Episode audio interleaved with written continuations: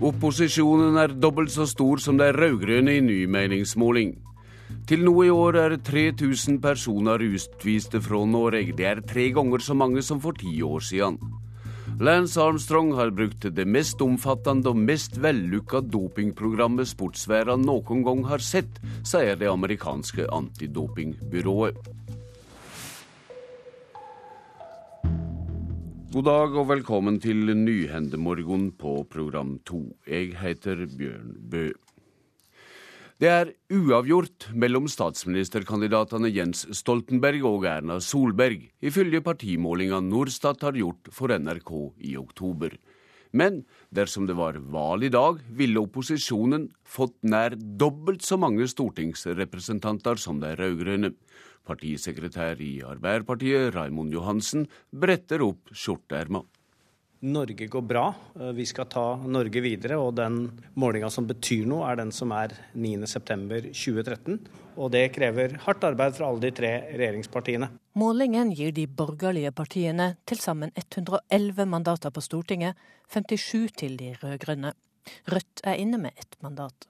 Nestleder i Høyre, Jan Tore Sanner, mener velgerne vil ha en ny kurs.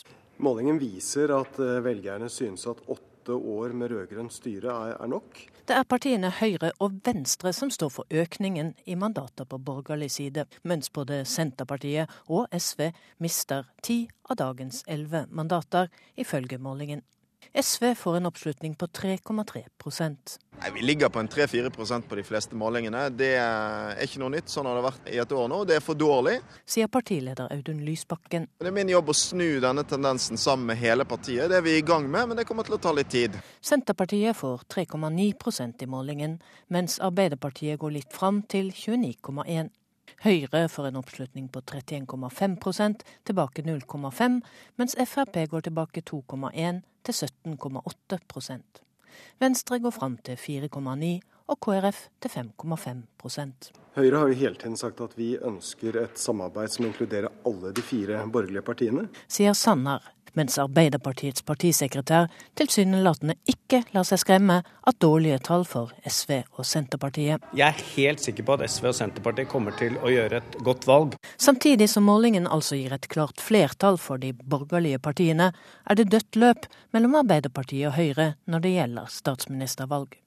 41,5 av de spurte foretrekker Jens Stoltenberg. Folk setter stor pris på den formidable innsatsen han gjør for Norge. Mens 41,2% vil ha Erna Solberg. Det er jo usedvanlig sterke tall for Erna Solberg. Bare 6,7% foretrekker Frp-leder Siv Jensen. Vi har sagt hele tiden at det partiet som blir størst, også har den naturlige statsministeren. Ja, det sa eh, Siv Jensen, som er leder i Fremskrittspartiet. Reportere her var Katrin Hellesnes og Ingrid Kielland Mørdre. Hvert år blir ti millioner små jenter her i verden gifte bort til menn som oftest er langt eldre enn de sjølve. I dag blir FNs jentedag markert for aller første gang, og generalsekretær Bernt Apeland i Unicef Norge denne dagen vil det bruke til å ta fram nettopp barnebruder som et av de største problemene for jenter. Hvorfor det? Det er ikke bare et av de største problemene vi ser for jenter, det er også et av de største problemene vi ser for utvikling i, i verden. fordi de tallene du nå viser til, altså det er 27 000 jenter under 18 hver eneste dag som blir gifta bort eh, før de blir 18 år. Det er ikke bare et stort inngrip i deres liv og deres muligheter, men det er faktisk med på å hindre utviklingen. Og hvis vi ikke får snudd denne trenden, så vil vi ikke nå de tusenårsmålene. Hvor i verden er det de mener det er viktigst å sette inn en innsats? Det største problemet ser vi i Sør-Asia. Eh, der er det nesten eh, halvparten av jentene som blir gifta bort før de er 18 år. Men også i Afrika sør for Sahara eh, er det mange land som er et problem, og i Niger så er det faktisk tre av fire jenter som giftes før de eh, blir 18. Så her har vi store utfordringer mange steder. Hva er det allmenne en kan si om bakgrunnen for at jentene blir gift bort i svært låg alder? Dette er et samspill mellom økonomiske krefter og gamle tradisjoner. Eh, fattigdom er en veldig viktig årsak. Det er billigere å eh, gifte bort en eh, jente som er under 18 år, og det blir en mindre munn å mette hjemme. I tillegg så er det mange steder tradisjoner for at dette er den riktige tingen å gjøre. Og det helt grunnleggende problemet er at man har ikke nok respekt for jenter og deres muligheter. Så det er der vi først og fremst må gripe inn. Men det vi ser, er at hvis vi klarer å gi jentene skolegang, eh, så vil vi klare å få de ut av barneekteskapene, og vi vil klare å få de til å bli produktive Eh, medhjelpere i å løfte verden eh, fremover. Ja, Er det altså skolegang som er metoden, mener du, når en trass i alt kommer bort til dype kulturelle tradisjoner her? Ja, Hvis man skal lete etter det virkemidlet som er, virker, som er lettest å få resultat med, så er det utdannelse. Få jenter i skole og få de til å være der lenger enn barneskole. Vi har kommet langt når det gjelder barneskole. Der er det så godt som eh, lik deltakelse mellom gutter og jenter, men så faller jentene fra, både fordi de blir holdt tilbake fra skolegang, men også også fordi eh, lokalsamfunnet ikke vil satse på jentene. Klarer vi å få de til å gå i ungdomsskolen, og kanskje til og med på videregående skole, så vil eh, antallet barnebrudder falle dramatisk. Hvis optimisme i røysta di der, hva blir tema for neste års jentedag? Jeg tror vi fortsatt skal holde fast ved at respekten for jentene og det å gi jentene muligheter er det som må til for å løfte eh, verden videre. Da sier jeg takk til deg, Bernt Apeland fra Unicef. Politiet har ilagt to menn i 20-åra vikingsforbud etter at de truga Rune Øygard utenfor rettssalen i Lillehammer i går. Forbudet innebærer at de ikke har lov til å nærme seg eller på noen måte ta kontakt med Øygard eller kona hans. De har også forbud mot å oppholde seg i, utenfor eller i nærleiken av Lillehammer tinghus fram til 10. november. Til nå i år er 3000 personer utviste fra Norge. Det er tre ganger så mange som for ti år siden. Halvparten av de utviste har brutt utlendingslova. UDI-direktør Frode Forfang sier de har blitt strengere når det kommer til å oppgi falsk identitet. Det som i hvert fall er sikkert, er at vi tar det eh, problemet mer på alvor enn det som var tilfellet for en del år tilbake, eh, og slår hardere ned på den type Eh, den type identitetsjuks enn det som man gjorde for la oss si, ti år tilbake. Det er viktig på mange måter. De skal, hvis de skal bli i Norge, så er det jo viktig i forhold til både bankforbindelser, trygdeutbetalinger, eh, også i forhold til å avdekke kriminalitet, eh, og av sikkerhetsmessige grunner, at vi vet hvem som faktisk oppholder seg i Norge. Det sa Frode Forfang. I framtida kan det bli lettere for fosterforeldre å adoptere barn de har omsut for. Det biologiske prinsippet i barnevernet, som går ut på at barn har best av å vokse opp i sin familie, blir nå evaluert, altså vurdert, av regjeringa. De siste ukene har TV-seerne fått et innblikk i hvordan barnevernet arbeider, og i går var det siste episode i NRK-serien Barnets beste. Hvor skal vi kjøre nå hen? Humpa. Ja, det var masse humper her. Faren til Rainer fikk ikke vite om sønnen før han var blitt seks måneder.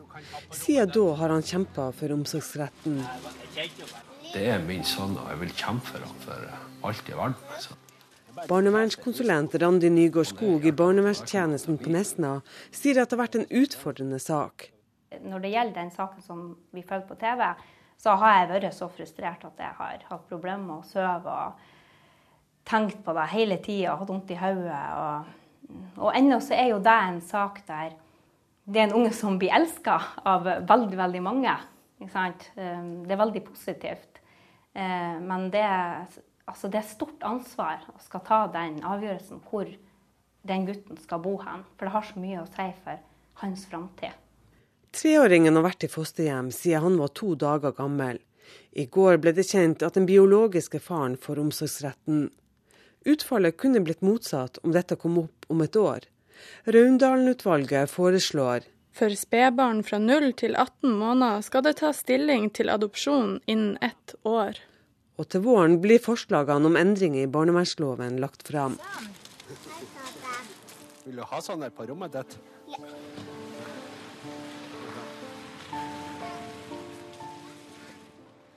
Ja, reporter her var Gerd Elise Martinsen.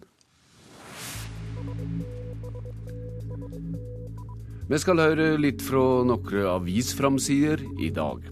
Klassekampen skriver om eiendomsselskapet Entra og planene om privatisering.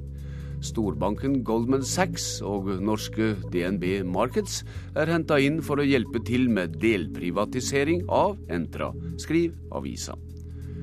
Vårt Land skriver at fra juni i fjor til juni i år fikk 7600 nye nordmenn uføretrygd. En ny ufør i timen, skriver avisa. Dette er noe en bør være urolig for, sier Høyres Torbjørn Røe Isaksen til Vårt Land. Dagsavisen forteller at seks av tusen ungdommer må ha økonomisk nødhjelp. Ungdommen er overrepresentert på sosialhjelpsstatistikken, skriver avisa. Nasjonen dreg fram at én av fire nordmenn vil ha fri jakt på ulv. En meningsmåling fra Sentio syner rett nok samstundes at flertallet sier nei. Men Høyres rovdyrtalsmann Gunnar Gundersen sier til avisa at han er positivt overraska over hvor mange som sier ja til fri jakt.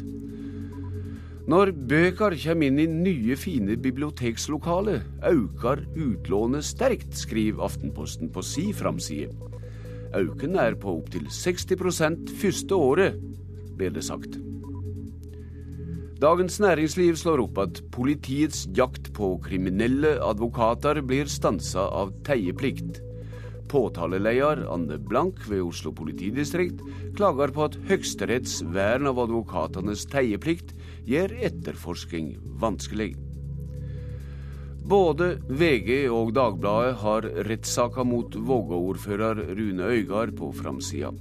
VG skriver om det som er kalla jentas rustende historie, og avisas kommentator skriver at maktbalansen er meningsløs ujevn i denne rettssaka.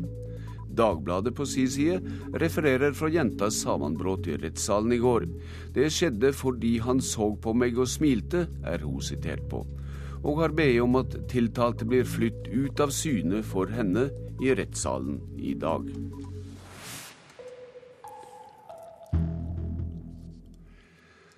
Da skal det bli sport her.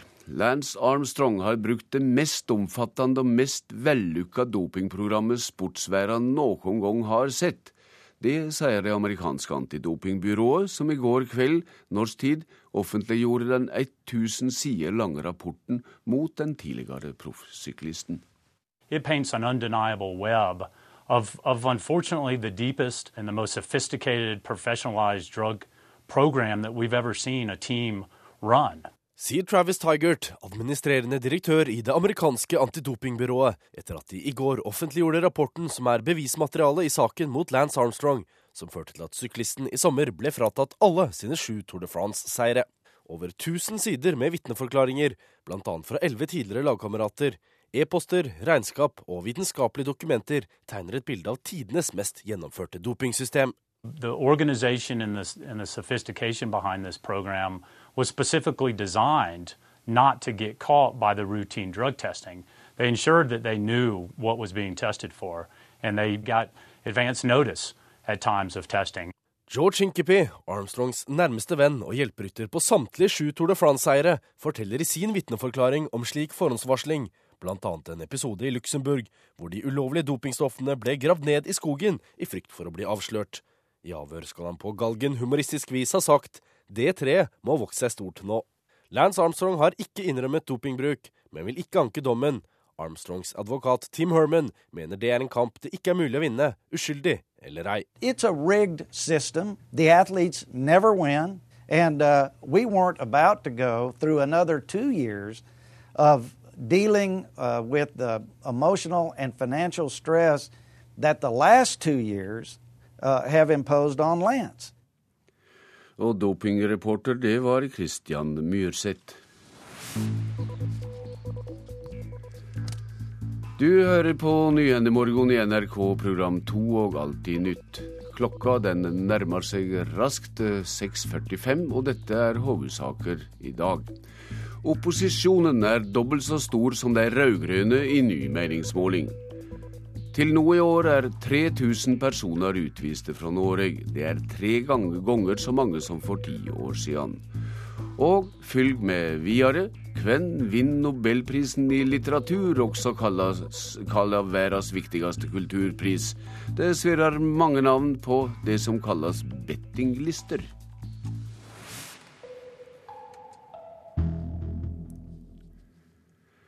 Bildet av den samiske jenta som blir trakassert og forsøkt tent på av en guttegjeng i Trondheim, har sjokkert mange.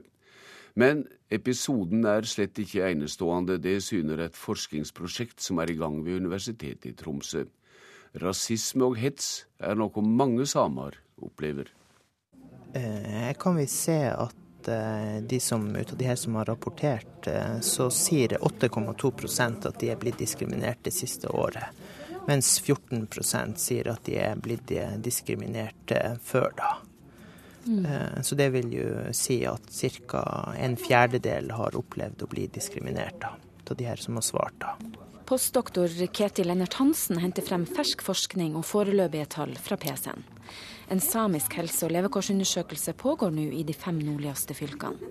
Av de 2000 som har svart på nett, opplever mange ulike typer hets. Noen sier at vi, vi, har blitt diskriminert for at vi er reindriftssamer.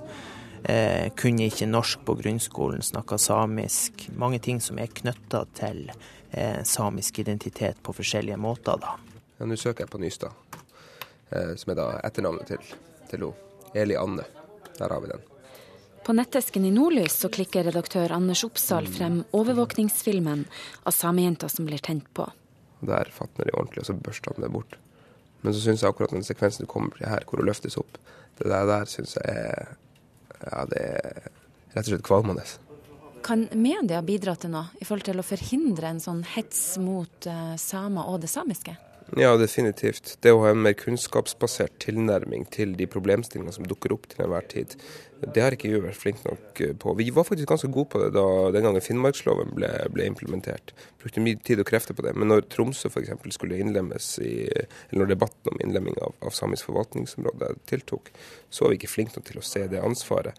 Jeg er ganske sikker på det at sterke aviser, eller NRK for den saks skyld, ved å bruke tid og krefter på å faktisk opplyse folk, eh, bidrar til at debatten får et eh, høyere saklighetsnivå. Hei, jeg heter Anne Berit Balto. Jeg har laga en ordbok, sånn at dere søringer kan skjønne hvordan vi samer bruker språket vårt. Rislapp. Med ulike lapper og samejenta Wenche, så har komiker Trine Lise Olsen tulla med det samiske. Min vri har alltid vært at det er veldig viktig for meg at eh, for det første er hun aldri full. Eh, hun er ikke dum, hun får til absolutt det hun vil. Hun er bare litt annerledes og rar. Men det har vært viktig for meg. Og så bannes hun ikke. Og det er også sånn. For det er sånn stereotyp som jeg ikke nødvendigvis vil ha inni, inni min karakter, da. Hun mener både komikere og media har et ansvar for å nyansere. Og det er kanskje det at vi må kanskje vise litt mer av det samiske som ikke handler om reindriftssamer. Det som ikke handler om slåssing, som ikke handler om samekniver, som ikke handler om, om at du blir hengt etter en bil fordi at reinen din ble borte, eller sånne ting. Du må vise mer det daglige dagse samiske, liksom. De endelige tallene fra helse- og levekårsundersøkelsen er klar først til neste år. Men forskeren tror at mye kan gjøres for å endre holdninger. Og media har jo en stor rolle der, og sterk pådriver for å formidle eh, samisk kultur og identitet. og prøve å bygge ned de her barrierene om at samene er så mye mer annerledes enn alle andre i det norske samfunnet. Og reporter i Tromsø var Karoline Rugeldal. En nobelpris i litteratur er viktigst for de mindre kjente forfatterne, mener svenske forskere å kunne påvise. I dag blir det kjent hvem som får prisen i år. Nett ligger japanske Haruki Murakami godt an på listene til tre av de største bettingselskapene. Men det kan også bli en langt mindre kjent forfatter som stikker av med prisen. Og hjå Nordli bokhandel i Oslo er det forberedt på litt springing for å finne fram bøker av vinneren når han eller hun blir utropt av Svenska Akademien. Så er det vi Munro Murakami, og så har vi Philip Roth her. Hun peker opp på bøker av forfattere hun mener kan vinne nobelprisen i litteratur, når Akademiet i dag offentliggjør årets vinner. Blant hyllemeter med bøker fra gulv til tak hos bokhandelen Nordli i Oslo sentrum står fagansvarlig for skjønnlitteratur Hilde Heradstvedt. Hun har en travel dag i vente. Jeg prøvde et år å helgardere meg litt, og det funket dårlig. Eh, jeg tippa feil og hadde mye bøker som jeg riktignok ble kvitt med tid og stunder, men det var, eh, det var, en dårlig strategi. Så har jeg en plan om å kaste meg over telefonen og ringe et forlag så fort jeg vet hvem vinneren er, og forhåpentligvis er det et forlag som ligger i nærheten, sånn at jeg kan løpe bort og hente det de måtte ha av bøker på forlaget. Det er planen. Mm. Fire ledende spillselskaper har alle de samme fem navnene på sine topp ti-lister over hvem som kommer til å vinne Nobels litteraturpris i dag. Bl.a. den japanske forfatteren Haruki Murakami og canadiske Alice Munro. Men det er de mindre kjente nobelprisvinnerne som har størst effekt av å vinne prisen. Det viser ny svensk forskning, sier Anna Gunder ved Universitetet i Uppsala. Hemingway behøver jo ikke dragkraft av nobelpriset for, eh, for sin for å nå ut. Men for de mindre kända så finns man på betydelig flere språk enn man fanns innan. Men kundene hos Nordli mener akademiet likevel bør velge en kjent forfatter. Bob Dylan hadde vært interessant, akkurat som i sin tid man skulle ha gitt den til jeg syns da Astrid Lindgren. Eh, vi plukket jo ut han eh, karen her. Murakami. Mar Mar Murakami ja som en potensiell kandidat. Det betyr jo noe, men eh, jeg må nok innrømme at jeg ikke har lest så veldig mange av nobelprisvinnerne. Det er mange som går eh, hakket over det jeg pleier å befatte meg med. Litt, litt for høylitterært kanskje, en del av de, og på andre premisser enn det jeg pleier å lese. Fagansvarlig for skjønnlitteratur hos Nordli, Hilde Heradstvedt, håper Nobelakademiet ikke har latt seg påvirke av spillselskaper da de valgte årets vinner. Jeg håper jo det ikke lar seg påvirke av disse bettinglistene. F.eks. så figurerer jo Murakami høyt på de listene. og God forfatter, men syns ikke han fortjener noen nobelpris. Eh, heller ikke Bob Dylan, for den saks skyld. Så jeg håper at det er en veldig sånn god faglig vurdering som ligger bak. Reporter her var Eirin Venås Sivertsen. Det svirrer mange kandidatnavn i lufta. Men fasiten på hvem som får det som blir kalla verdens viktigste kulturpris, den får vi først klokka 13 i dag. Og i går i år går prisen enten til en forfatter i USA eller i Asia, tror du, Marta Norheim, som er litteraturkritiker her i NRK. Hvordan grunngir du det? Ja, det er jo like vill gjetting som det som jeg hørte i reportasjen her, selvsagt. For jeg har ingen eh, gode kjelder eh, for dette. Men eh, det har vært en veldig europeisk dominans de senere åra. Ehm, etter en eh, ganske fargerik periode på, på 80-tallet, så, så, har det blitt veldig europeisk etter den tid. Og eh, derfor så tenker jeg at eh, det er på tide at prisen nå går utover. Og ehm, spesielt USA. altså De har ikke hatt noen pris siden i 1993, da Tony Morrison fikk prisen. Og det ble jo litt ondt blod i Vesten da Horace Engdahl, som var sekretær for eh, akademien, sa eh, for noen år siden at han syns ikke at egentlig den amerikanske litteraturen holdt mål. Så det har vært litt sånn eh, dårlig stemning der. Og kanskje en kunne retta litt opp på det. Men er det slik at de ærverdige Aderton i, i svenske akademien eh, rett og slett også driver fordelingspolitikk? De sier jo at de ikke gjør det. Eh, altså, det Jeg er helt sikker på at de ikke leser bettinglister, som noen var inne på her. Det, det er nokså fjernt for det, tenker jeg. Men, men altså, det er jo ikke matematikk, dette her. Å finne ut hvem som er verdens beste forfatter. Det er ikke liksom noe du kan, du kan på en måte regne det fram til. Og da må det jo være noen andre kriterier i tillegg. Eh, og, og, og, da kan jo sånne ting som eh, geografi spiller inn. Mm. Jeg nevnte sentralkomiteen helt på seg for eh, nobelprisen, eh, svenske akademien. Men eh, det er mange som er med på å avgjøre hvem som skal få prisen. Og hvem er disse, og hvordan blir kandidatene valgt ut, egentlig? Ja, dette er jo helt spesielt og nokså gåtefullt. Det er en 600-700 verdige personer rundt omkring i verden. Tidligere nobelprisvinnere, professorer i litteratur, sånne typer, som har lov til å melde inn til svenske akademien, men i djupeste løgn trend. Eh, sånn at eh, Derfor så blir jo sånne bettinglister veldig viktige, fordi at det blir en ryktebørs rundt det. Nå er jo ikke alle like gode til å holde på løgndommer, så eh, noen navn siver jo likevel ut. Har du stutt en favoritt skyld? Ja, Murakami blir nevnt her. Jeg tror ikke han vinner prisen. Men, men Ko Un eller Annie Prue hadde vært morsomme vinnere. Vi skal fra litteratur til gulrøtter, Marta Norheim.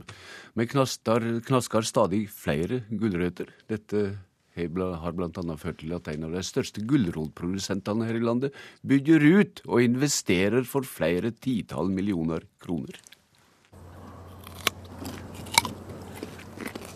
Kjell Rønning og Andreas Bakken i bedriften Soler Grønt smaker gjerne på produktene.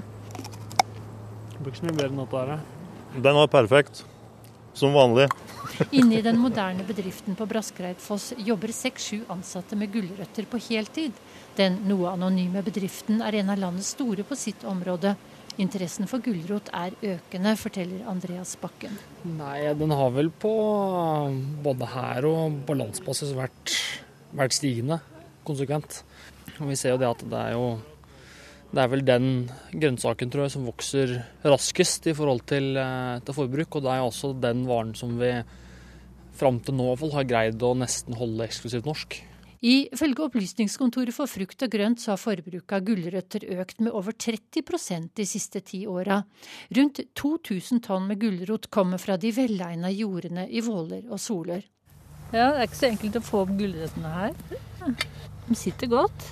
Ja, det de gjør det. skjønner du. Det er spesielt på den jordtypen som er her. da. Heldigvis er det slutt på den tida da gulrøttene ble tatt opp for hånd, sier Rønning. For det er ikke så enkelt. Det har vi noen i hvert fall. Det det. Nå, nå, kommer det noe som er litt bedre? Ja, det er uh, mer egnet til å drive med dette her. Den maskinen der han plukker opp en mellom 100 og 150 ja, 150 tonn om dagen ved brukbare forhold. Andreas Bakken ser fornøyd på. Han sier at forbrukerne tydelig viser at de ønsker norske gulrøtter, og det har vært medvirkende til satsingen. Vi ser jo det nå på, på gulrotmarkedet, både i de forskjellige grossistsystemene, at det er, det er, norsk som gjelder, det er norsk som, som selger, og det er norsk som kunden vil ha når de går i butikken. Og Vi ser det klart at når det kommer på tampen av sesongen og det begynner å bli eh, liten tilgang på norsk, og butikkene begynner å gå over til import, da, da ser vi en klar tegn på at da faller salget markant. Så det er noe som En av grunnene til at vi tror jeg både vi og andre som driver med gulrot Norge, tør å satse såpass friskt innrømme, som vi har gjort de siste åra, er jo at vi ser at kundene vil ha norsk, og da burde det være vår jobb å etterstrebe å ha en råvare og en vare tilgjengelig. Åssen har dere satsa da? Nei, vi har jo hatt nå siste, siste to år, og så har vi hatt satsa en ca. 10 millioner, tenker jeg, på, på, nytt produksjonsanlegg og nytt lager. Hvis det går bra, så får vi håpe at vi, vi tør å satse såpass kraftig videre òg, som vi håper å kunne gjøre. Ja, reporter her var Vera Vold. Vi skal ha et værvarsel som gjelder til midnatt. Austafjells og fjellet i Sør-Norge mye fint vær, men utrygt for lokal morgenskodde i låglandet. Fra i ettermiddag spredde regnbyger nær kysten av Agder. Vestlandet sør for Stad. Først på dagen skya til delvis skya, stort sett oppholdsvær. Lokal skodde i Rogaland. Fra i ettermiddag stort sett fint vær. Møre og Romsdal og Trøndelag. I morgentimene fremdeles enkelte byer lengst nord i Trøndelag og stadvis lågt skydekke. Ellers etter hvert delvis skya, oppholdsvær. I sør blir det til dels fint vær. Helgeland, Saltfjell, Salten og Ofoten. Enkelte regnbyger, snøbyer over rundt 500 meter. I ettermiddag etter hvert oppholdsvær. Lofoten, Vesterålen og Troms Enskilde regnbyger, i Troms snøbyer over 500 meter. Finnmark på vidda nordlig bris og oppholdsvær, ellers auke til nordlig frisk bris utsettes der. I kveld liten kuling, lengst i øst stiv kuling. Enskilde regnbyger, snøbyer over rundt 500 meter. Nordensjøland på Spitsbergen fra i ettermiddag nordlig liten kuling utsettes der. Først på dagen opphold, seinere litt snø. Temperaturer klokka fem i dag. Svalbard lufthavn én grad. Kirkenes tre grader. Vardø seks. Alta tre. Langnes ved Tromsø fem. Og så er det Bodø åtte. Brønnøysund to. Trondheim, altså Værnes, det er fire. Molde fire. Fem ved Flesland ved Bergen. Seks i Stavanger, én ved Kristiansand på Kjevik lufthavn. Gardermoen null, Lillehammer minus én, Røros minus to. Og Oslo, Blindern, én grad.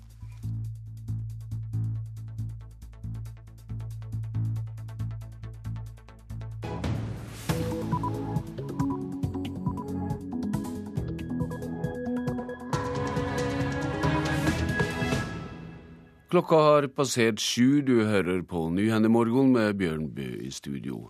Her er Nytt i dag. Nortura har tatt kontroll over kjøttimporten fra Afrika. Kjøttsamvirket vil hindre at kjøttet blir solgt billig her i landet. Forbrukeren blir den som taper på det. Det sier Svein Flåten i Høyre. 3000 mennesker er til nå i år utviste fra Norge. Det er tre ganger så mange som for ti år siden. Mange fordi de har oppgitt falsk identitet, sier UDI-direktør Frode Forfang. Det tas fingeravtrykk av alle som søker asyl i Norge, og på den måten så får vi avslørt en del av dem. Bistandsadvokaten for jenta i Øygard-saka, Vonar jenta, greier å fullføre utspørringa i retten i dag. Lance Armstrong har nytta det mest omfattende og mest vellykka dopingprogrammet sportsverden noen gang har sett, syner rapporten den om den tidligere proffsyklisten. Storbritannia har langt færre utlendinger i fengsel enn mange Schengen-land.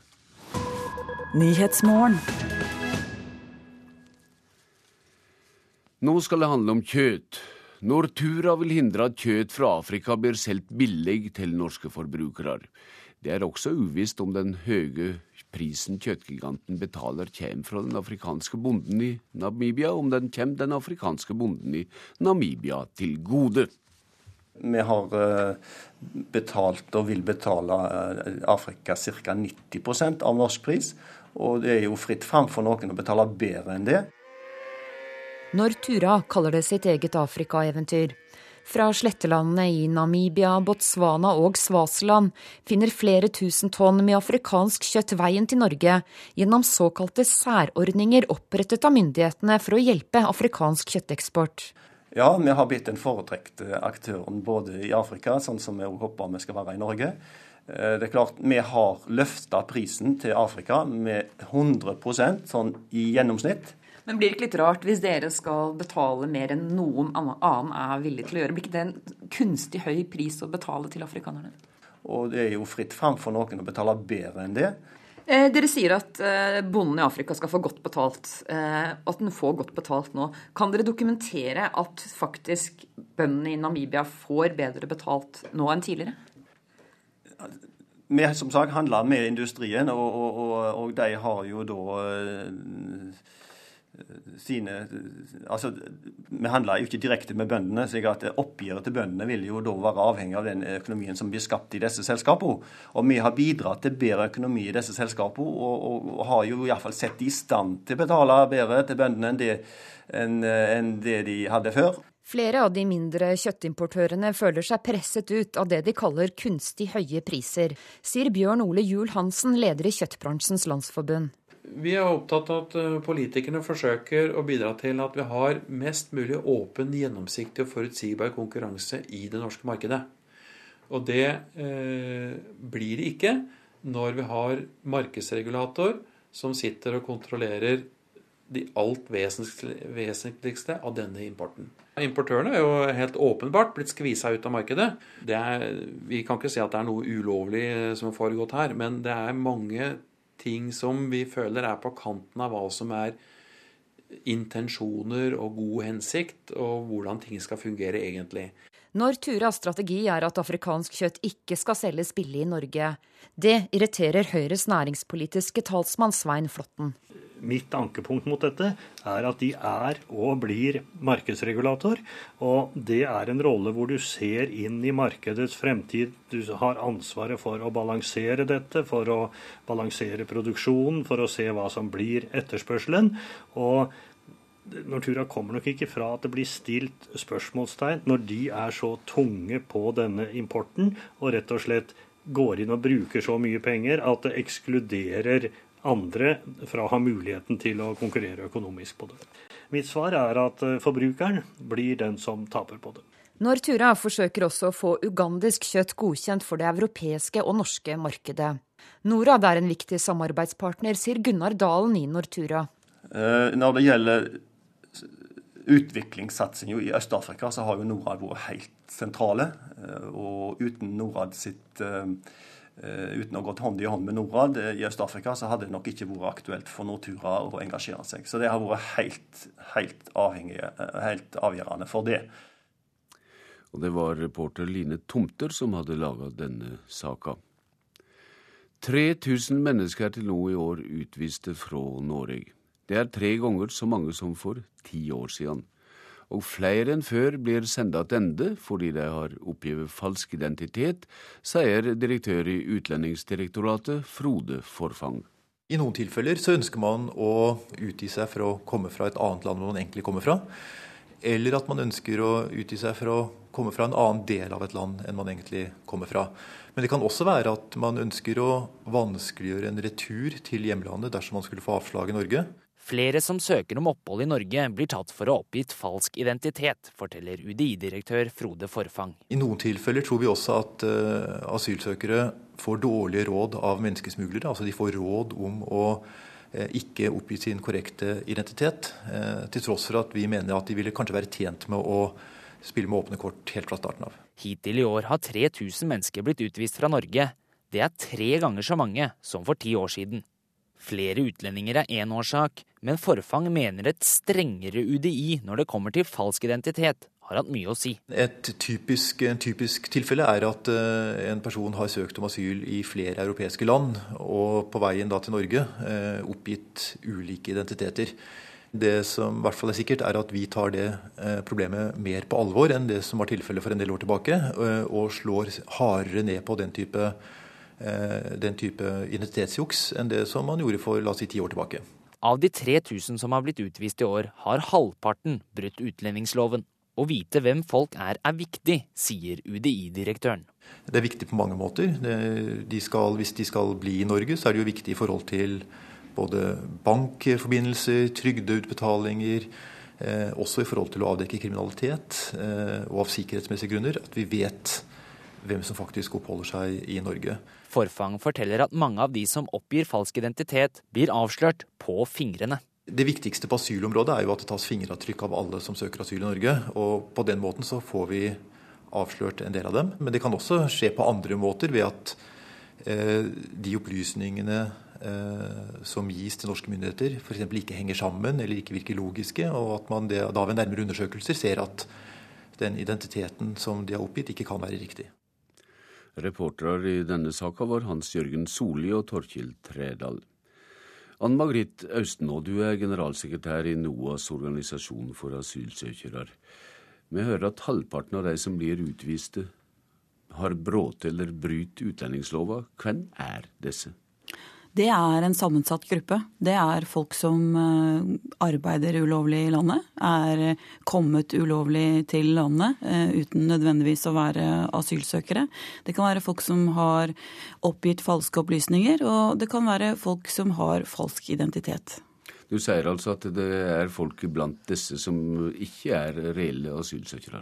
Ja, absolutt. Du har um, arbeidsinnvandrere, du har studenter som har oversittet uh, oppholdsplikten sin, du har au pairer som har uh, oversittet uh, Altså det er mange forskjellige grupper som kan bryte utlendingsloven. Hvor åpenbart er det hvorfor folk oppgir falsk identitet? Det er flere grunner til. Noen utstyres med falsk identitet av kriminelle bakmenn. Noen, som Frode Forfang var inne på i innslaget her, eh, får dårlige råd av eh, menneskesmuglere. Noen frastjeles eh, sine identitetspapirer, og noen kommer fra områder hvor deres identitet er veldig vanskelig å dokumentere, fordi at dokumenter fra de landene eller de områdene har så lite troverdighet. Men noen gjør dette helt medvite? Noen gjør det helt bevisst, ja. Du har sagt at noen ikke klarer å skaffe papir, du var så vidt inne på det nå. Men uh, tyder det at det å være streng på identitetspapir også råker de som ikke har ønske om å lure systemet? Absolutt. Noe av oss er uh, i dialog med den nasjonale enheten uh, som driver med identitetsavklaringer, om bl.a. situasjonen for irakere. Irak er et område hvor uh, dokumenter har veldig lav troverdighet fordi at det florerer med falske dokumenter. Men det betyr ikke at alle dokumenter er falske. Og vi jobber nå f.eks. med en sak hvor en somalisk kvinne er gitt beskyttelse, men midlertidig fordi hun må gjøre bedre rede for sin sin klanstilhørighet. Og slikt er vanskelig å dokumentere fra Somalia for en ung kvinne. Når du eh, skildrer nå et eh, nokså sammensett univers, er det bra eller dumt etter ditt syn at flere blir utviste fra Norge nå enn for ti år siden? Jeg syns det er vanskelig å svare et absolutt ja eller nei. Er det folk som, eh, som driver virksomhet de ikke skulle drive i Norge, så er det bra. Er det uskyldige som ikke klarer å gjøre skikkelig rede for seg, så er det dårlig. Nå kan kanskje Sume mene at du og din organisasjon er dumsnille i høve til folk som kommer på dørene til landet vårt. Eh, men på den andre sida, kan Norge gjøre noe for at flere kommer med gyldige papir? Det er viktig, slik som den Nasjonal enhet for identifisering nå eh, jobber mot flere miljøer, for å få bedre oversikt over eh, hva er det egentlig som foregår, og hvordan kan man skille eh, reelle dokumenter fra falske. Mm. Takk til deg i denne omgang, Anne Margrit Austenå. Utspørring av jenta som skal ha vært utsatt for seksuelle overgrep av Vågå-ordfører Rune Øygard, holder fram i dag. Da forsvareren til Øygard spurte ut jenta i går, måtte retten avslutte tidligere enn planlagt fordi jenta brøt sammen i gråt. Hun var jo, forberedt på at forsvarer skulle stille henne mange spørsmål, og at hun måtte gå i detaljer. Men jeg, jeg tror rett og slett at hun ble for sliten. Det sier bistandsadvokat Nina Bråten Hjortdal etter at retten i går avslutta midt i utspørringa av den 16 år gamle jenta. Tidligere på dagen hadde jenta i detalj fortsatt forklaringen sin om hvordan Rune Øygard skal ha forgrepet seg på henne seksuelt fra hun var 13 år gammel. Han skal ha sagt at han ville skille seg fra kona og gifte seg med jenta og få barn når hun ble gammel nok.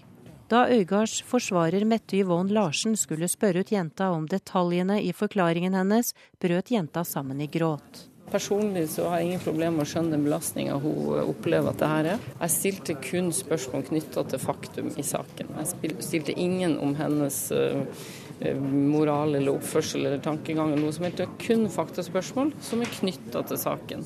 Eh, og jeg stiller dem på en direkte måte, men jeg vil tro at jeg blir oppfatta som vennlig. Men det jeg spør om er jo vanskelig for henne, ikke sant. Så det er vel det som skjer. Det var Larsen sjøl som ba dommeren om å få avslutte utspørringa i går. Jeg tror rett og slett at det ble litt for mye. Og det er noe med detaljene som repeteres og repeteres eh, flere ganger. Eh, og at eh, det blir litt forvirrende når hun svarer og forsøker å svare, og så blir hun ikke hørt i svaret sitt. Sier Nina Bråten Hjortdal. I dag fortsetter rettssaken med at forsvareren får fullføre utspørringen av jenta. Bistandsadvokaten håper det går greit. Jeg håper det. Eh, jeg skal i hvert fall gjøre det jeg kan for at det skal gå bra. Bistandsadvokat Nina Bråten Hjortdal, og reporter i saka er Anne Kari Løberg. Klokka har passert 7.13. Du hører på Nyhendemorgen i NRK program 2. Dette er hovedsaker i dag. Kjøttgiganten Nortura har tatt kontroll over store deler av kjøttimporten fra Afrika, for å hindre at kjøttet blir solgt billig i Norge. 3000 mennesker er til nå i år utviste fra Norge. Det er tre ganger så mange som for ti år siden. Og følg med videre. I kveld er det duka for den første duellen mellom visepresidentkandidatene i USA.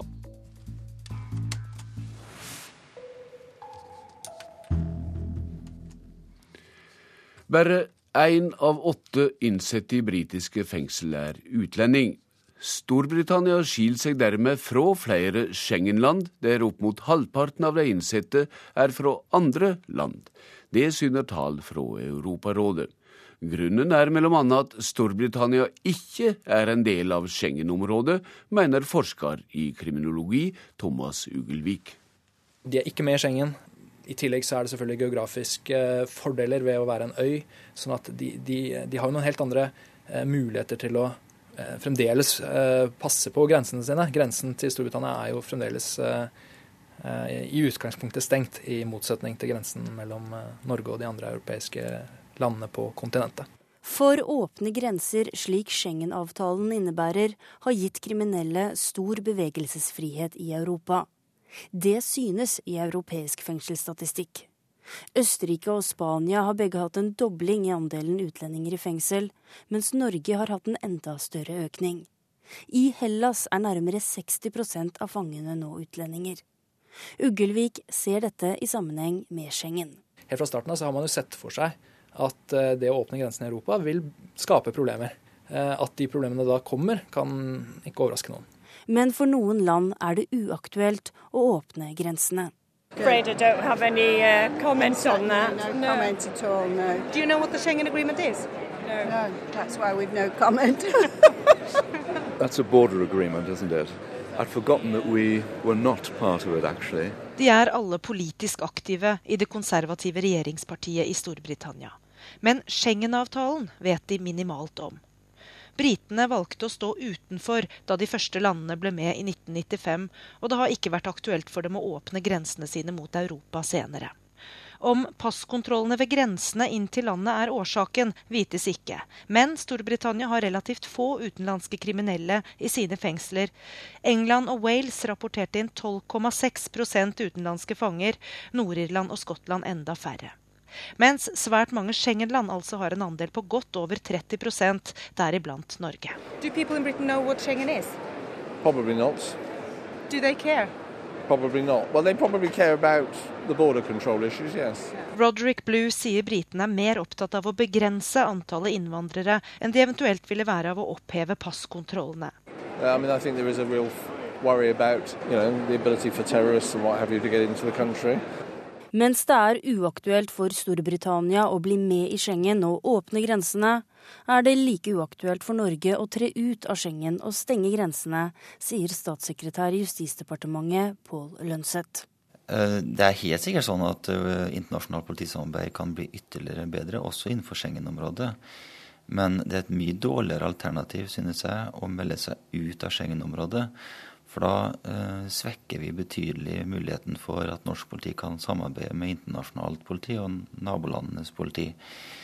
Eh, for det vil alltid være sånn at jeg tror ikke det er realistisk at vi langs vår lange landegrense mot Sverige, eh, altså et annet EU-land og et Schengen-land, eh, skal kunne ha en effektiv personkontroll på hele den grensen. Statssekretær Pål Lønseth og reporter her var vår korrespondent i London, Gry Blekastad Almås, og reporter her hjemme Tonje Grimstad.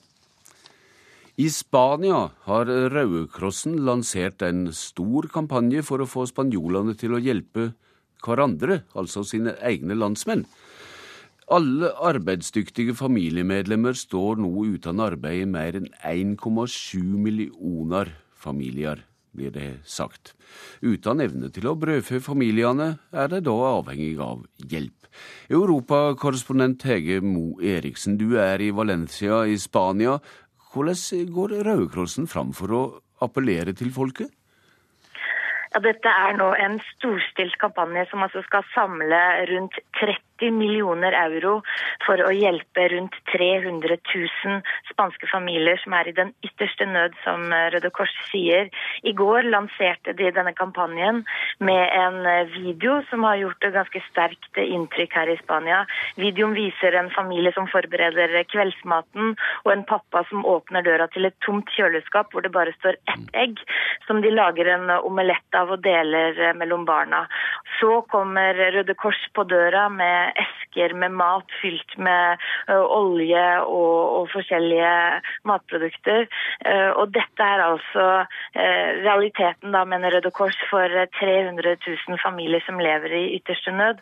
Og slagordet for denne kampanjen er altså 'heller nå enn aldri'. Mm. Hvor enestående er det at Røde Krossen driver på denne måten? Ja, Det er jo ikke enestående at Røde Kors samler inn penger for å Nei. hjelpe fattige i tredje verden, men det er eh, første gang at de har en sånn kampanje for å samle inn penger til eh, spanske familier. Og det gjør ganske inntrykk. Jeg snakket i går med, med eh, spanske journalister som sa at dette her er helt utrolig, rett og slett.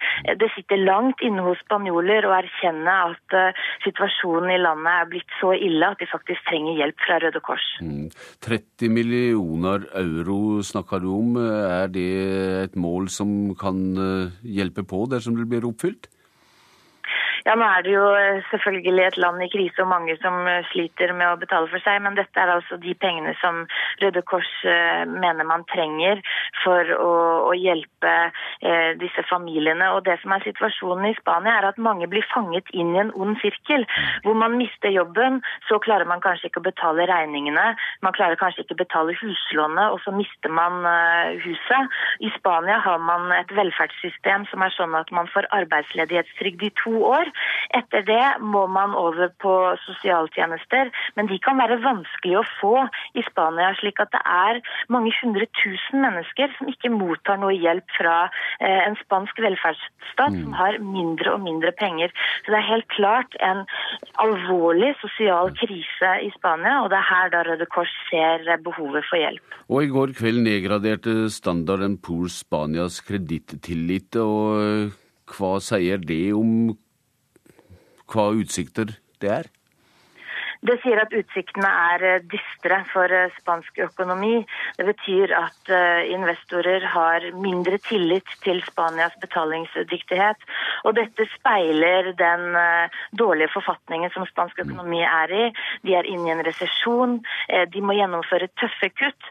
Og det er stor tvil om Spania klarer å nå de målene om å få budsjettet kuttet. Rett og slett fordi at økonomien går så dårlig alvorlig. Takk til deg, europakorrespondent Hege Mo Eriksen, som altså er i Spania. Det går mot semje mellom den britiske regjeringa og de skotske selvstyremaktene om ei folkerøysting om skotsk selvstyre. Over helga er det møte mellom statsminister og førsteminister for å inngå ei avtale om det som kan bli begynnelsen på ei splitting av den britiske unionen. Both sides are looking to an agreement. Both the Prime Minister and myself hope that that can be done for next week. Vi håper på en avtale neste uke, sier den skotske førsteministeren Alex Salmon. Men ifølge britiske medier er avtalen så godt som ferdig utarbeidet. Det blir folkeavstemning om skotsk selvstendighet før utgangen av neste år. Det skotske folk skal svare ja eller nei til løsrivelse fra England, Wales og Nord-Irland. Det blir ikke et tredje valgalternativ med en mellomløsning. Dessuten skal det åpnes for å utvide stemmeretten til alle over 16 år, noe som i så fall blir første gang i Storbritannia. Men den skotske førsteministeren understreker at det ikke foreligger noen avtale riktig ennå. Mandag møter Alex Salmon den britiske statsministeren til samtaler og trolig signering av en avtale for folkeavstemningen. David Cameron ønsker ikke et selvstendig Skottland, og var helt tydelig på sin prioritering da han talte til det konservative partiet i går. than saving our United Kingdom. So let's say it. We are better together. We will rise together. And let us fight that referendum with everything we've got. David Cameron, og her var det Gry Blekastad Almås som var reporter.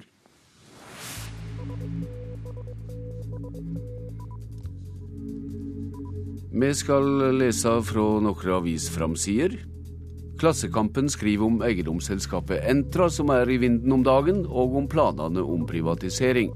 Storbanken Goldman Sachs og norske DNB Markets er henta inn for å hjelpe til med delprivatisering av Entra, skriver avisa. Vårt Land skriver at fra juni i fjor til juni i år fikk 7600 nye nordmenn uføretrygd. En ny ufør i timen, skriver avisa. Dette er noe en bør være urolig for, sier Høyres Torbjørn Røe Isaksen. Dagsavisen forteller at seks av tusen ungdommer må ha økonomisk nødhjelp. Ungdommen er overrepresentert på sosialhjelpsstatistikken, skriver avisa. Nasjonen forteller at én av fire nordmenn vil ha fri jakt på ulv. En meningsmåling fra Sentio syner rett nok samtidig at flertallet sier nei til slik jakt, men Høyres rovdyrtalsmann Gunnar Gundersen sier til avisa at han er positivt overraska over hvor mange som sier ja til fri jakt. Når bøker kommer inn i nye, fine biblioteklokale, øker utlånet sterkt, skriver Aftenposten. Øken er på opptil 60% første året, skriver avisa. Dagens Næringsliv står på si side opp at politiets jakt på kriminelle advokater blir stansa av teieplikt. Påtaleleder Anne Blank ved Oslo politidistrikt klager på at Høyesteretts vern av advokatenes teieplikt gjør etterforsking vanskelig.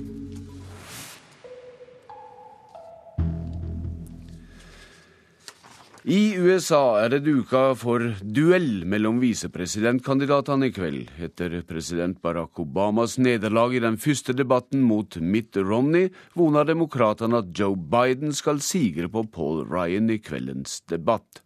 Vår USA-korrespondent er i Kentucky, der debatten skal gå, og jeg spurte han for et par timer siden om hvordan stemninga og spaninga er.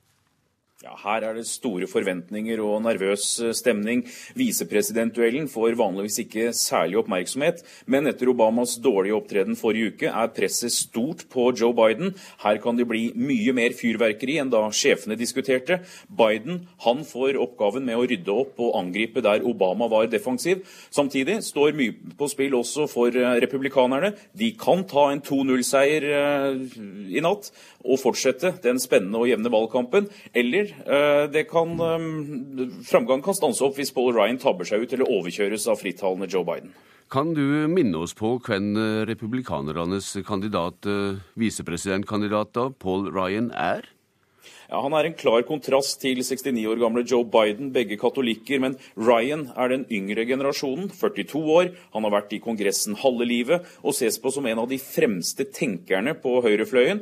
Ryan han kommer fra delstaten Wisconsin og et valgdistrikt med mange demokrater. Og til tross for forslag om upopulære kutt og sitt eget kontroversielle budsjettforslag, så har han blitt gjenvalgt gang på gang og er blitt vant til å selge politikken. Men Ryan er ikke vant til debatter. Han er også et ganske så ubeskrevet blad på utenrikspolitikken. Så her kan det bli flere minneverdige øyeblikk. Mm. Hva for tema er det meninga at de skal diskutere? Altså Her blir det innenrikspolitikk og utenrikspolitikk fordelt på ni temaer i 90 minutter. Dette handler i liten grad om visepresidentkandidatene. De skal heller framsnakke sjefene sine og opprettholde den tradisjonelle visepresidentrollen som angrepshund.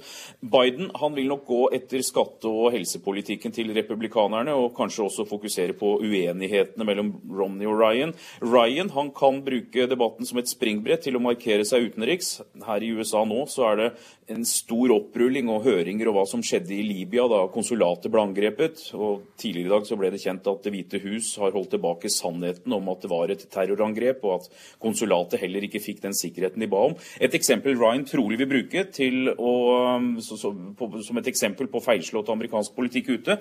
Dette er den første og eneste visepresidentduellen, men også en mulighet til å bli kjent med parhestene. Skulle det skje presidenten noe, så er det jo som kjent visepresidenten som overtar. Det er mye sosiologisk industri i sving i USA nå, både på nasjonalt plan og i delstatene der valget til slutt blir avgjort.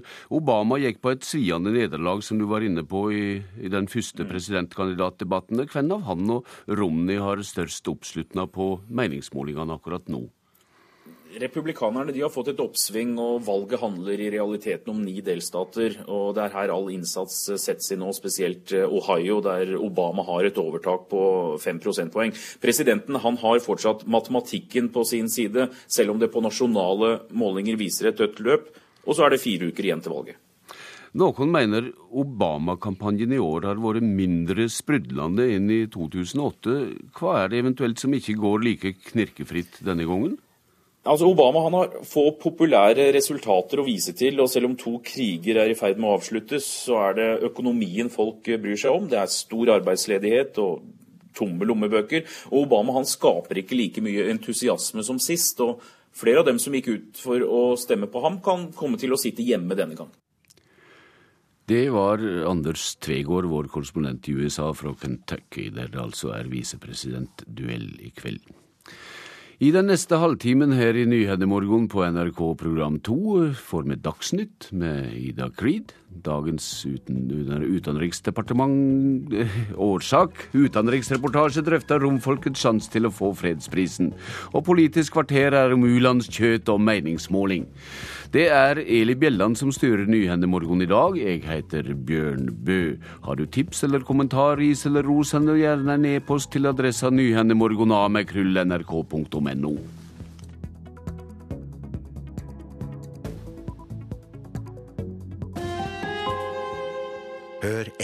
Han har hengt etter tærne i Eiffeltårnet, balansert uten sikring på en line 1000 meter over bakken.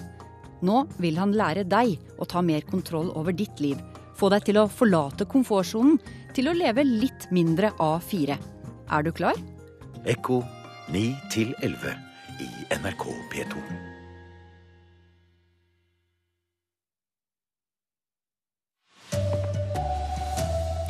Kjøttgiganten Nortura har tatt kontroll over importen fra Afrika for å hindre at kjøttet selges billig i Norge. Opposisjonen er dobbelt så stor som de rød-grønne i en ny meningsmåling. Barack Obama var for forsiktig i forrige ukes TV-debatt, innrømmer han selv. God morgen, her er NRK Dagsnytt, klokken er 7.30. Kjøttsamvirket Nortura har tatt kontroll over store deler av kjøttimporten fra Afrika. Ved å overby mindre konkurrenter hindrer selskapet at kjøttkvotene gitt av norske myndigheter selges billig til norske forbrukere. Det er usikkert om den høye prisen kommer den afrikanske bonden til gode også, men eh, Nortura-direktør eh, Gunnar Dalen mener dette er en vinn-vinn-situasjon. Vi har eh, betalt og vil betale Afrika ca. 90% av norsk pris. Og det er jo fritt fram for noen å betale bedre enn det. Nortura kaller det sitt eget Afrika-eventyr. Fra slettelandene i Namibia, Botswana og Swaziland finner flere tusen tonn med afrikansk kjøtt veien til Norge gjennom såkalte særordninger opprettet av myndighetene for å hjelpe afrikansk kjøtteksport. Som vi så jo at dette kunne komme til å bli en veldig vakker vinn-vinn-situasjon at eh, vi løfta prisen til Afrika. Og samtidig så skapte det litt mer eh, stødige markedsforhold for storfeprisen og storfekjøttet som kom fra norske gårder. Kan dere dokumentere at faktisk bøndene i Namibia får bedre betalt nå enn tidligere? Vi handler jo ikke direkte med bøndene, og har jo iallfall sett de i stand til å betale bedre til bøndene enn det, eh, enn det de hadde før. Flere av de mindre kjøttimportørene føler seg presset ut av det de kaller kunstig høye priser, sier Bjørn Ole Juel Hansen, leder i Kjøttbransjens Landsforbund. Ja, Importørene er jo helt åpenbart blitt skvisa ut av markedet. Er, vi kan ikke si at det er noe ulovlig som har foregått her, men det er mange ting som vi føler er på kanten av hva som er intensjoner og god hensikt, og hvordan ting skal fungere egentlig. Når Turas strategi er at afrikansk kjøtt ikke skal selges billig i Norge. Det irriterer Høyres næringspolitiske talsmann Svein Flåtten. Mitt svar er at eh, forbrukeren blir den som taper på det. Reporter Line Tomter. Det er dødt løp mellom statsministerkandidatene Jens Stoltenberg og Erna Solberg, ifølge partimålingen som Norstat har utført for NRK. Men opposisjonen ville fått nesten dobbelt så mange stortingsrepresentanter som de rød-grønne dersom det var valg i dag. Målingen viser at eh, velgerne synes at åtte år med rød-grønt styre er, er nok. Sier nestleder i Høyre, Jan Tore Sanner. Målingen gir de borgerlige partiene 111 mandater på Stortinget og 57 til de rød-grønne. Det er ingen store endringer på partienes oppslutning i målingen, Senterpartiet er under sperregrensen. Det er også SV. Det er for dårlig, eh, og det har vi tenkt å gjøre noe med. Sier SVs partileder Audun Lysbakken. Det er min jobb å snu denne tendensen sammen med hele partiet. Det er vi i gang med, men det kommer til å ta litt tid. Regjeringspartiene mister 29 mandater i forhold til i dag. Partisekretær Raimond Johansen i Arbeiderpartiet kommenterer det er 9.9.2013 er den eneste meningsmålingen som betyr noe, og det krever hardt arbeid fra alle de tre regjeringspartiene. 41,5% av de spurte ville Ap-leder Jens Stoltenberg som statsminister. 41,2 Høyre-leder Erna Solberg. Bare 6,7 vil ha Frp-leder Siv Jensen. Vi har sagt hele tiden at det partiet som blir størst, også har den naturlige statsministeren. Sa Frp-leder Siv Jensen. Hele partimålingen kan du se på nrk.no. Reportere Katrin Hellesnes og Ingrid Kielland Mørdre. Utlendingsdirektoratet har skjerpet kampen mot mennesker som kommer til Norge med falske ID-papirer. Hittil i år er 3000 personer utvist fra Norge, og det er tre ganger så mange som for ti år siden. Mange av dem er sendt hjem pga. falske papirer, sier UDI-direktør Frode Forfang. Et typisk tilfelle er at eh, en person har søkt om asyl i flere europeiske land, og på veien da til Norge eh, oppgitt ulike identiteter. Da kan ikke vi vite hvilken identitet som er den riktige, men vi vet i hvert fall at man i flere tilfeller har oppgitt falsk identitet. Halvparten av de som er utvist fra Norge hittil i år, har brutt utlendingsloven. Falske ID-dokumenter er et av de alvorligste bruddene på denne loven. UDI har ikke noen eksakte tall på hvor mange som er avslørt med falsk ID. Forfang sier bare at det er mange. Vi f.eks. er mye mer opptatt av identitetsproblematikken og slå ned på det å oppgi falsk identitet enn det man var for en del år tilbake. Eh, så det forklarer en del av denne økningen. Vi må vite hvem disse menneskene er. Det er samfunnet vårt avhengig av, uansett hvilken grunn den enkelte har for å skjule sin identitet, sier Forfang. I noen tilfeller så ønsker man å eh, skjule eh, hvilket land man kommer fra, altså, om man ønsker å utgi seg for å komme fra et annet land hvor man egentlig kommer fra. Eller at man ønsker å utgi seg for å komme fra en annen del av et land enn man egentlig kommer fra. Men det kan også være at man ønsker å vanskeliggjøre en retur til hjemlandet dersom man skulle få avslag i Norge. Reporter Hans-Jørgen Solli. USAs president Barack Obama sier i et nytt intervju at han var for forsiktig i debatten med Mitt Romney i forrige uke. De fleste kommentatorene mener at Romney gikk seirende ut av den viktige duellen. There's no doubt that I can make a better case which is why I'm so looking forward to Tuesday. But again, why did it happen? Al Gore said, was it the altitude? You know, the. Uh,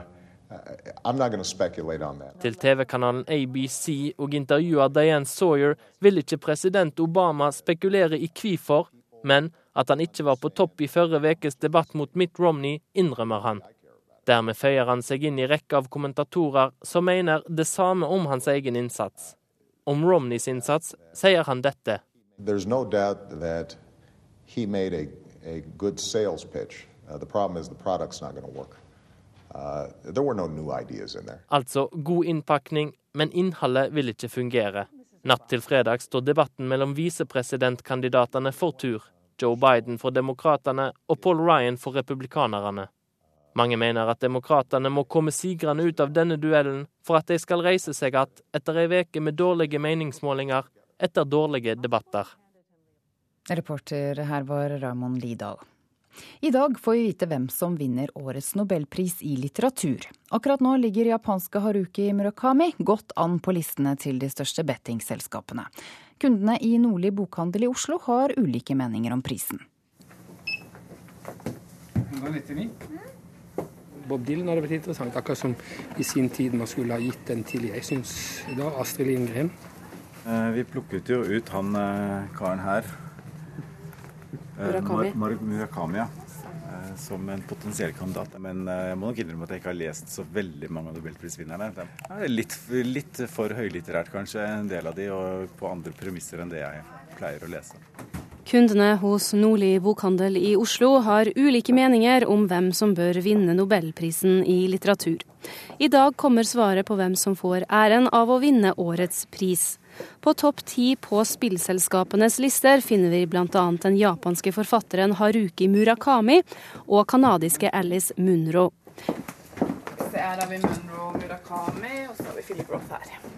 Det blir en travel dag for Hilde Heradstvedt, fagansvarlig for skjønnlitteratur hos bokhandelen Nordli i Oslo sentrum. Så har jeg en plan om å kaste meg over telefonen og ringe et forlag så fort jeg vet hvem vinneren er. Og forhåpentligvis er det et forlag som ligger i nærheten, sånn at jeg kan løpe bort og hente det de måtte ha av bøker på forlaget. Det er planen. Mm. Reporter Eirin Venås Larsen. Lance Armstrong har brukt det mest omfattende dopingprogrammet sportsverdenen noen gang har sett. Det sier det amerikanske antidopingbyrået, som har offentliggjort den 1000 sider lange rapporten mot den tidligere proffsyklisten. It paints an undeniable web of, of unfortunately the deepest and the most sophisticated professionalized drug program that we've ever seen a team run sier Travis Tigert, administrerende direktør i det amerikanske antidopingbyrået, etter at de i går offentliggjorde rapporten som er bevismateriale i saken mot Lance Armstrong, som førte til at syklisten i sommer ble fratatt alle sine sju Tour de France-seire. Over 1000 sider med vitneforklaringer, bl.a. fra elleve tidligere lagkamerater, e-poster, regnskap og vitenskapelige dokumenter tegner et bilde av tidenes mest gjennomførte dopingsystem. They ensured that they knew what was being tested for, and they got advance notice at times of testing. George Hinkepy, Armstrongs nærmeste venn og hjelperytter på samtlige sju Tour de France-seiere, forteller i sin vitneforklaring om slik forhåndsvarsling, bl.a. en episode i Luxembourg hvor de ulovlige dopingstoffene ble gravd ned i skogen i frykt for å bli avslørt.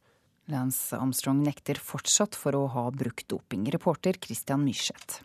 Ansvarlig for sendingene denne morgenen er Eirik Ramberg. Teknisk ansvarlig Frode Thorshaug. Jeg heter Ida Creed.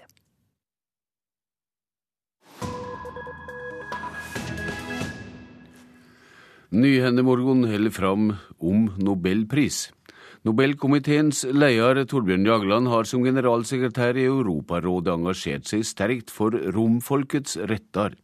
Dette har ført til at mange fra romfolket voner at en av deres representanter kan få Nobels fredspris i år for første gang i historien.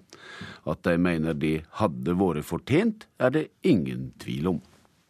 For the first time, uh, Roma Uh, uh, uh, Letizia Mark driver et kultursenter og skole i den rumenske byen Timisoara.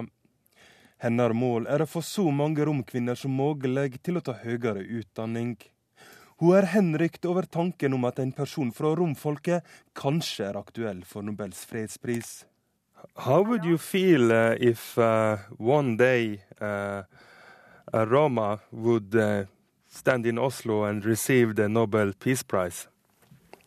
My feelings?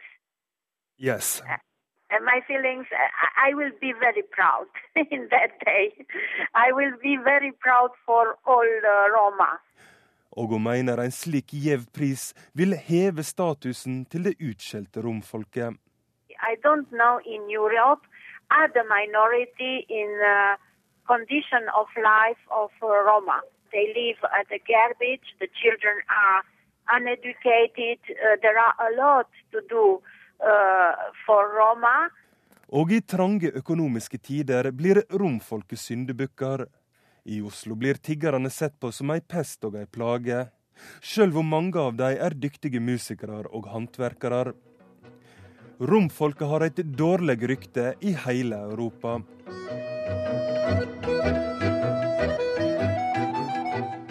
Two things about uh, gypsy music and about Lautar music.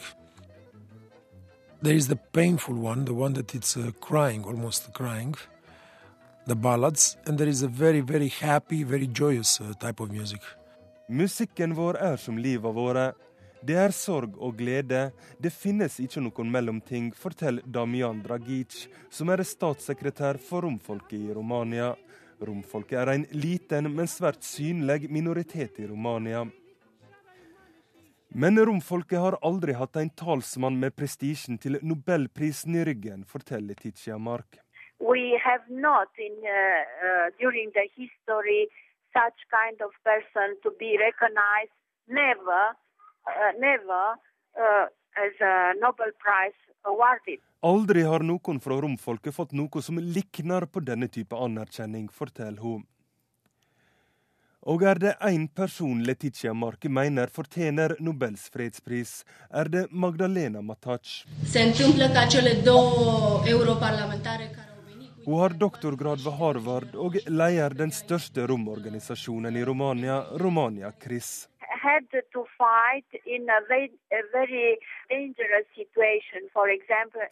Hun måtte kjempe mot diskriminering i en svært farlig situasjon i Transilvania. Kommunen ville flytte romfolket til et forurensa område. Det var en periode med mye vold og overgrep mot romfolket i Transilvania. Matash har også kjempa mot segregering i skolene og andre brudd på menneskerettene i Romania. Skulle en representant fra romfolket få Nobels fredspris, vil det bli et gjennombrudd for romfolket, mener Letitia Mark. Det vil verte en inspirasjon for generasjoner til å kjempe for rettene sine og for å leve i verdighet, i stedet for å bli syndebukker til alle tider og alle steder i Europa. Reporter her var Roger Severin Bruland. Klokka har passert 7.44, og dette er hovedsaker. Nortura vil hindre norske forbrukere i å kjøpe billig kjøtt fra Afrika. 3000 mennesker er til nå utviste fra Norge i år. Det er tre ganger så mange som for ti år siden. Barack Obama var for varsom i forrige ukes TV-debatt, vedgår han sjøl.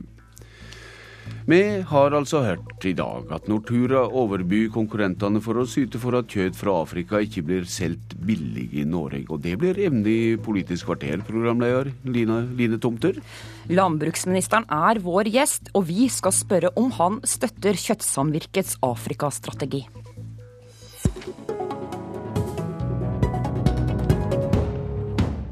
Velkommen, landbruksminister Trygve Slagsvold Veum fra Senterpartiet. Støtter du eh, strategien til Nortura i Afrika, der de overbyr konkurrentene for å kontrollere prisen ut til norske forbrukere? Jeg hadde møte med den eh, namibiske handelsministeren for 14 eh, dager siden.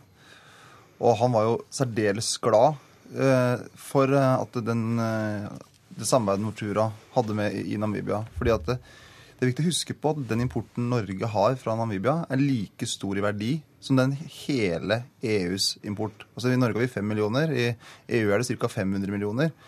Så når den namibiske handelsministeren eh, var i Norge, så satte han veldig stor pris på den importpolitikken som vi hadde. Han satte veldig stor pris på det samarbeidet bl.a. Nortura hadde med slakterier eh, i Namibia. Og det gjorde at det kom mer verdier til lokale slakterier der nede. Det gjorde at det kom mer verdier til den lokale bonden i Namibia. Ja. Så, så, det her var jo noe, når jeg møtte representanter for den namibiske regjeringa, så så skrøt de der opp i skyene og så sa de takk til Senterpartiet for at dere ikke er medlem i EU, for det gjør at vi får en helt annen tilgang til det norske markedet enn hvis dere hadde vært EU-medlem. Nå kan man faktisk ikke dokumentere at denne høye betalingen kommer den afrikanske bonden til gode. Nei, men Da kan NRK ringe og spørre den namibiske regjeringa, den namibiske handelsministeren som var her for 14 dager siden, og høre hva slags holdninger de har til det. Eh, hvordan de ser på den kjøttimporten som vi har fra Namibia, og det samarbeidet bl.a. man har med Nortura på det. Og Den namibiske regjeringa er jo særdeles positiv til det. Og, og, og, så ser man, Hvis man bare ser på kroneverdier, så ser man at den importen vi har til Norge, er da like høy i kroneverdi, ikke i volum, men i kroneverdi, for vi betaler en høyere pris, enn det hele EU sin import er. Så det er veldig viktig at man da også spør, eh, hvis man er veldig interessert i de namibiske forhold, at man også spør namibiske myndigheter hvordan er det de ser på kjøttimporten til Norge, og hvordan er det de ser på samarbeidet, bl.a. med Nortura. Og de, er, og de er grunnleggende positive.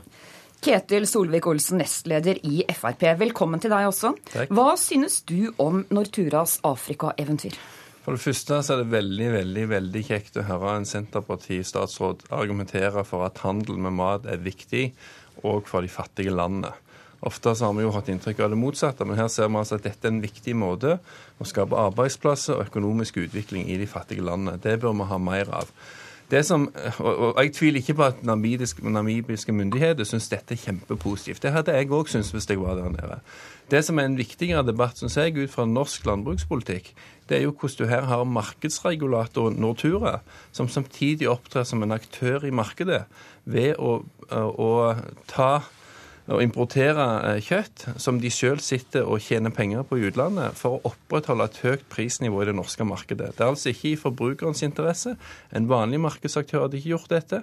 Men Nortura, som sitter på begge sider av bordet, de, kan, eh, altså, de utnytter systemet på denne måten her for å tjene seg sjøl. Og det syns jeg er veldig betenkelig. Andre i kjøttbransjen eh, kaller dette uredelig. Er du enig i det? Jeg, altså Fremskrittspartiet er kritisk til at den som er markedsregulator òg får opptre som en aktør i markedet. For da sitter en åpenbart og har doble interesser. En får innsyn i alle sine konkurrenters kostnader, prisnivå og alt dette her, og, og kan spille på det som aktør i markedet. Samtidig, og Grunnen til at du får innsyn, er jo fordi at du er markedsregulatoren. Dette er en rolle en burde skilt, sånn at Nortura, som selger produkt ut i markedet, altså Gilde og Prior-produkt og sånn, at de er ett selskap, og så får du ha en annen aktør som er markedsregulator, som opptrer likt overfor alle parter, og som ikke sitter og trader med kjøtt fra utlandet for å opprettholde et høyt prisnivå på egne norskproduserte produkt. Norsk matproduksjon er, er, er, helt unik. Eh, og vi har et uh, langt land, vi har et uh, bratt land, vi har et kaldt land. Og For å bruke en del politiske virkemidler for å klare å ha en matproduksjon i hele landet, og En av de virkemidlene er at vi, vi har en markedsregulator, et samvirke, som har både mottaksplikt og leveringsplikt, som sikrer at vi kan ha landbruk i, i, Finnmark, i Troms, på de ulike stedene, små og store steder rundt i hele Norge. Og norsk landbrukspolitikk er en suksesshistorie. Det er over 50 000 årsverk i norsk, i norsk jordbruk. Det er over 40 000 i den landbaserte næringsmiddelindustrien. Så det at vi har den norske modellen med budsjettstøtte, med tollvern, med et sterkt samvirke, har gjort at vi har et levende landbruk rundt i hele Norge, at vi har mange industriarbeidsplasser, og at vi har en trygg og sikker norsk norsk matforsyning. Også i tillegg at når vi ikke er EU-medlem, så kan vi også ha en importpolitikk som gjør at vi kan bidra til å styrke landbruk i f.eks. Namibia. Og Det vil være interessant for en EU-tilhenger som Ketil Solvik-Olsen at når vi møter f.eks. namibiske myndigheter, så sier de at det er så bra at dere ikke er medlem i EU. For det gjør at dere kan ha direkteimport fra oss, istedenfor å bare ha det fra andre industriland. Og nå i budsjettet... Men det er jo klart de vil ha dobbelt så høy pris som alle andre betaler. Det er jo ikke så rart, det. Nei, og det er det som er så bra. Og derfor er det jo bra at Nortura også gir en bedre pris enn alle betaler. Det kan, være, det kan jo ikke Ketil Solvik-Olsen være imot. At namibiske bønder får bedre betalt. Og i det budsjettet vi har lagt fram, så gir jo vi tollettelser på 51 landbruksvarer Men, fra ja. utviklingsland. For at vi ønsker at de skal like gode konkurransevilkår som EU-produkter. Men når vi skal inn på tollsatser I Genéve denne uken så har Norge måttet svare på spørsmål fra Verdens eh, handelsorganisasjon. Og det har kommet ganske mange kritiske spørsmål om norsk landbruk.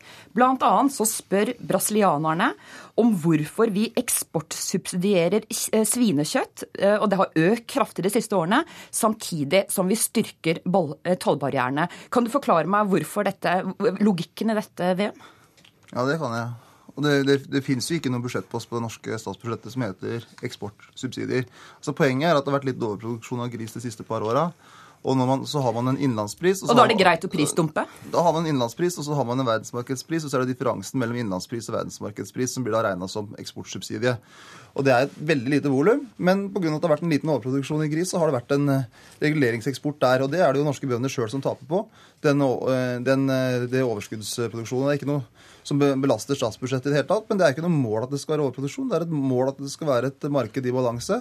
Men så er det utfordringa når det er levende dyr. At det er ikke når, når du produserer en ja eh, en sko eller et eller annet, så kan du ha den på lager. Men når du produserer kjøtt, så må det selges nå. Og det er ikke lett å skru av og på knappen. Men det har vært en liten overproduksjon på gris, og det er ikke noe mål. Men det er bøndene sjøl som taper på det.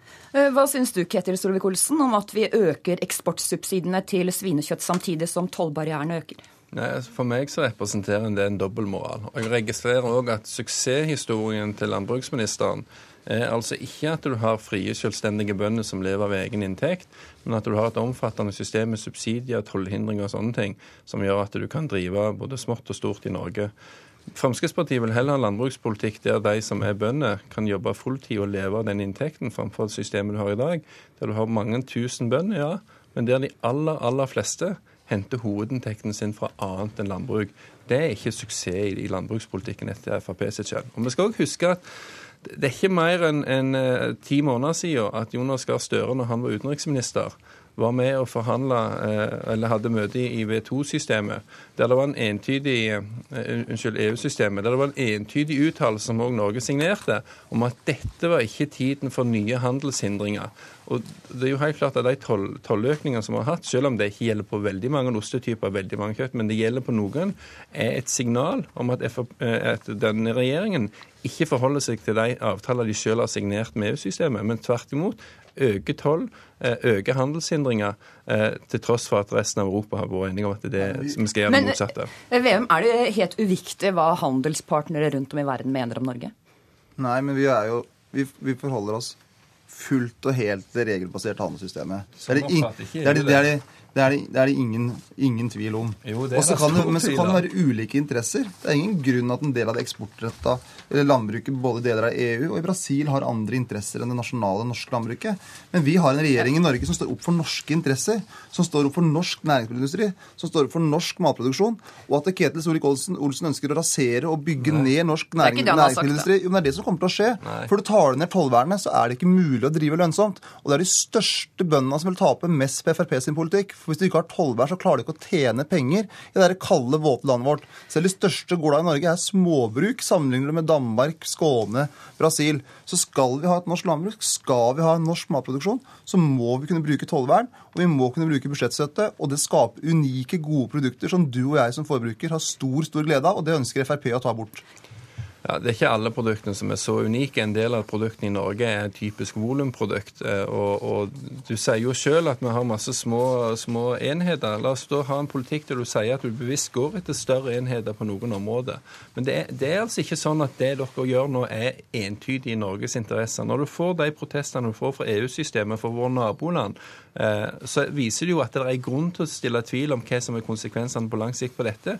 De totale norske interessene det inkluderer òg fisk når du snakker om mat. Du må altså ikke ha en traktor for å lage mat i Norge. Du kan òg ha en fiskebåt. Og Da er det totaliteten av dette dere må ta hensyn til. Og det klarer ikke dere i Senterpartiet. For det er kun landbasert matproduksjon dere tenker på.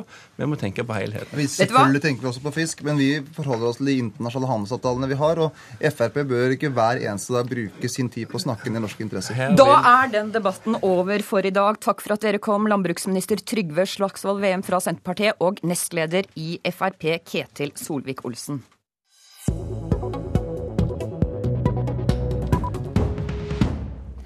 Dagens meningsmålinger er dårlig nytt for Senterpartiet, som igjen ligger under sperregrensen. Pernille Huseby, politisk redaktør i Nasjonen. Hvorfor får ikke Senterpartiet uttelling for de økte tollsatsene? De får nok ikke uttelling fra kjernevelgerne på nåværende tidspunkt, vil jeg si.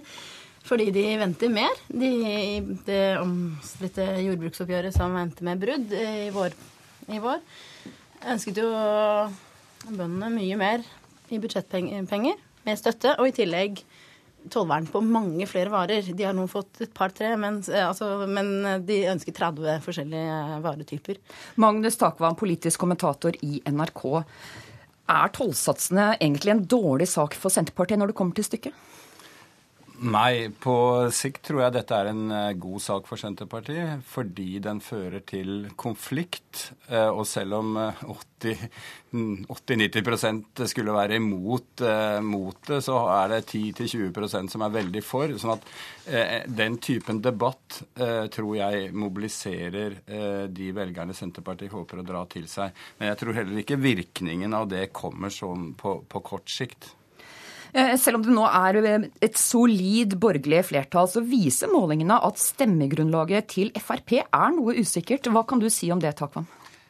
Det har jo gått igjen på veldig mange målinger de siste månedene at det har vært noe usikkert eh, nettopp det. Og i denne målingen NRK har nå, så viser jo råmaterialet at det er under 10% av de som blir spurt, som faktisk sier de vil stemme eh, Fremskrittspartiet. Men så må man da eh, vekte det i forhold til eh, sist stortingsvalg, og man kommer opp i 17% Så det er klart at det er en betydelig usikkerhet om akkurat hvilket nivå f.eks. Fremskrittspartiet har. Så der må man se mange målinger sammen for å, for å ha en noenlunde formening om det. Men det er en usikkerhetsfaktor, ja.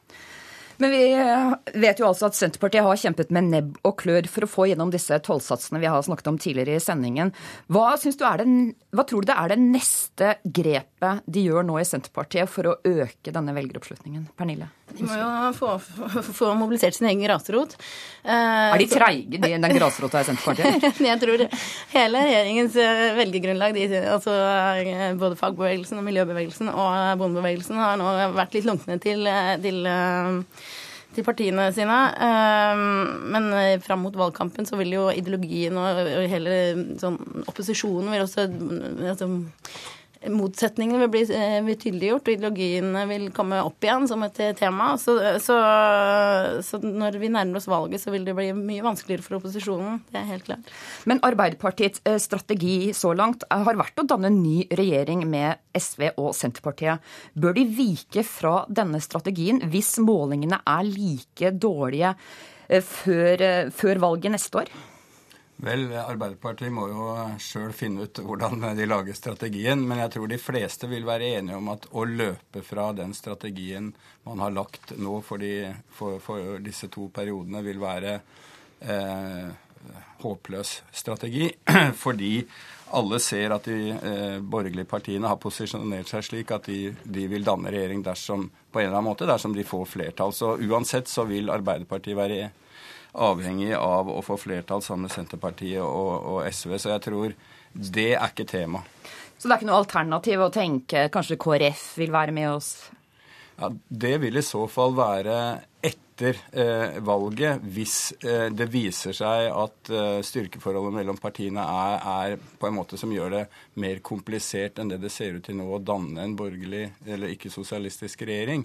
Men det, det er veldig langt fram. Så jeg tror nok de aller fleste regner med at taper de tre eh, rød-grønne eh, partiene valget, så blir det en eller annen slags form for eh, borgerlig, ikke-sosialistisk regjering. Er det realistisk at eh, Senterpartiet ender under sperregrensa neste år, Husby?